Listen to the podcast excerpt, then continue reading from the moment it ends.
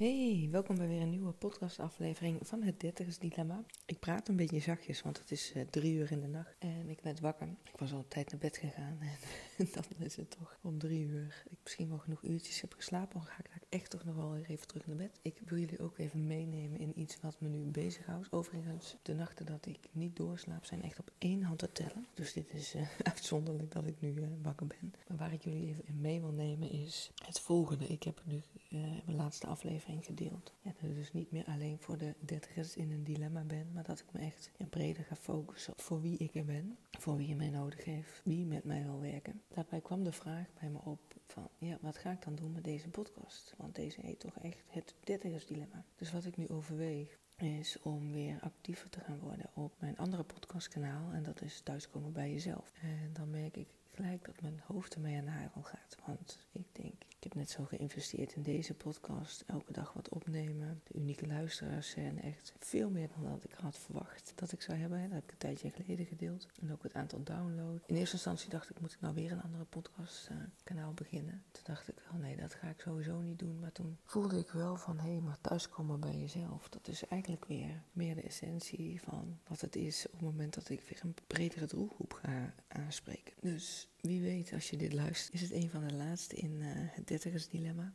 Dus ik zou ook zeggen, als je mijn podcast uh, kan waarderen, ga vooral mee naar, terug naar thuiskomen bij jezelf. Ik zal ook de link in de show notes zetten. En wie weet komen hier nog wel meer afleveringen op. Want thuiskomen bij jezelf heb ik er ook uh, flink aantal gemaakt. En dat heeft een tijdje onhold gestaan. Dus. Maar ik vermoed dat ik daar dus weer mee doorga. Ja, en ik deze beslissing omdat ik me niet ga laten leiden door mijn hoofd, maar echt leid door ja, wat voor mij goed voelt, ongeacht wat dat voor consequenties kan hebben. En wat zijn consequenties, hoe erg is het, maar ongeacht wat mijn hoofd ervan vindt, laat ik het zo zeggen. Ja, nogmaals, ik nodig je uit om mee te gaan weer mee terug naar thuiskomen bij jezelf. Dankjewel voor het luisteren tot nu toe, voor de leuke reacties. En ja, je kan me blijven volgen op social media dat blijft hetzelfde. Mijn Instagram-account en mijn mailadres blijft ook hetzelfde. Dus dat verandert niet. Alleen uh, de plek waar je me kan uh, beluisteren. Ik ga afronden. Ga even lekker mijn bedje in. Kijken of ik nog even kan slapen.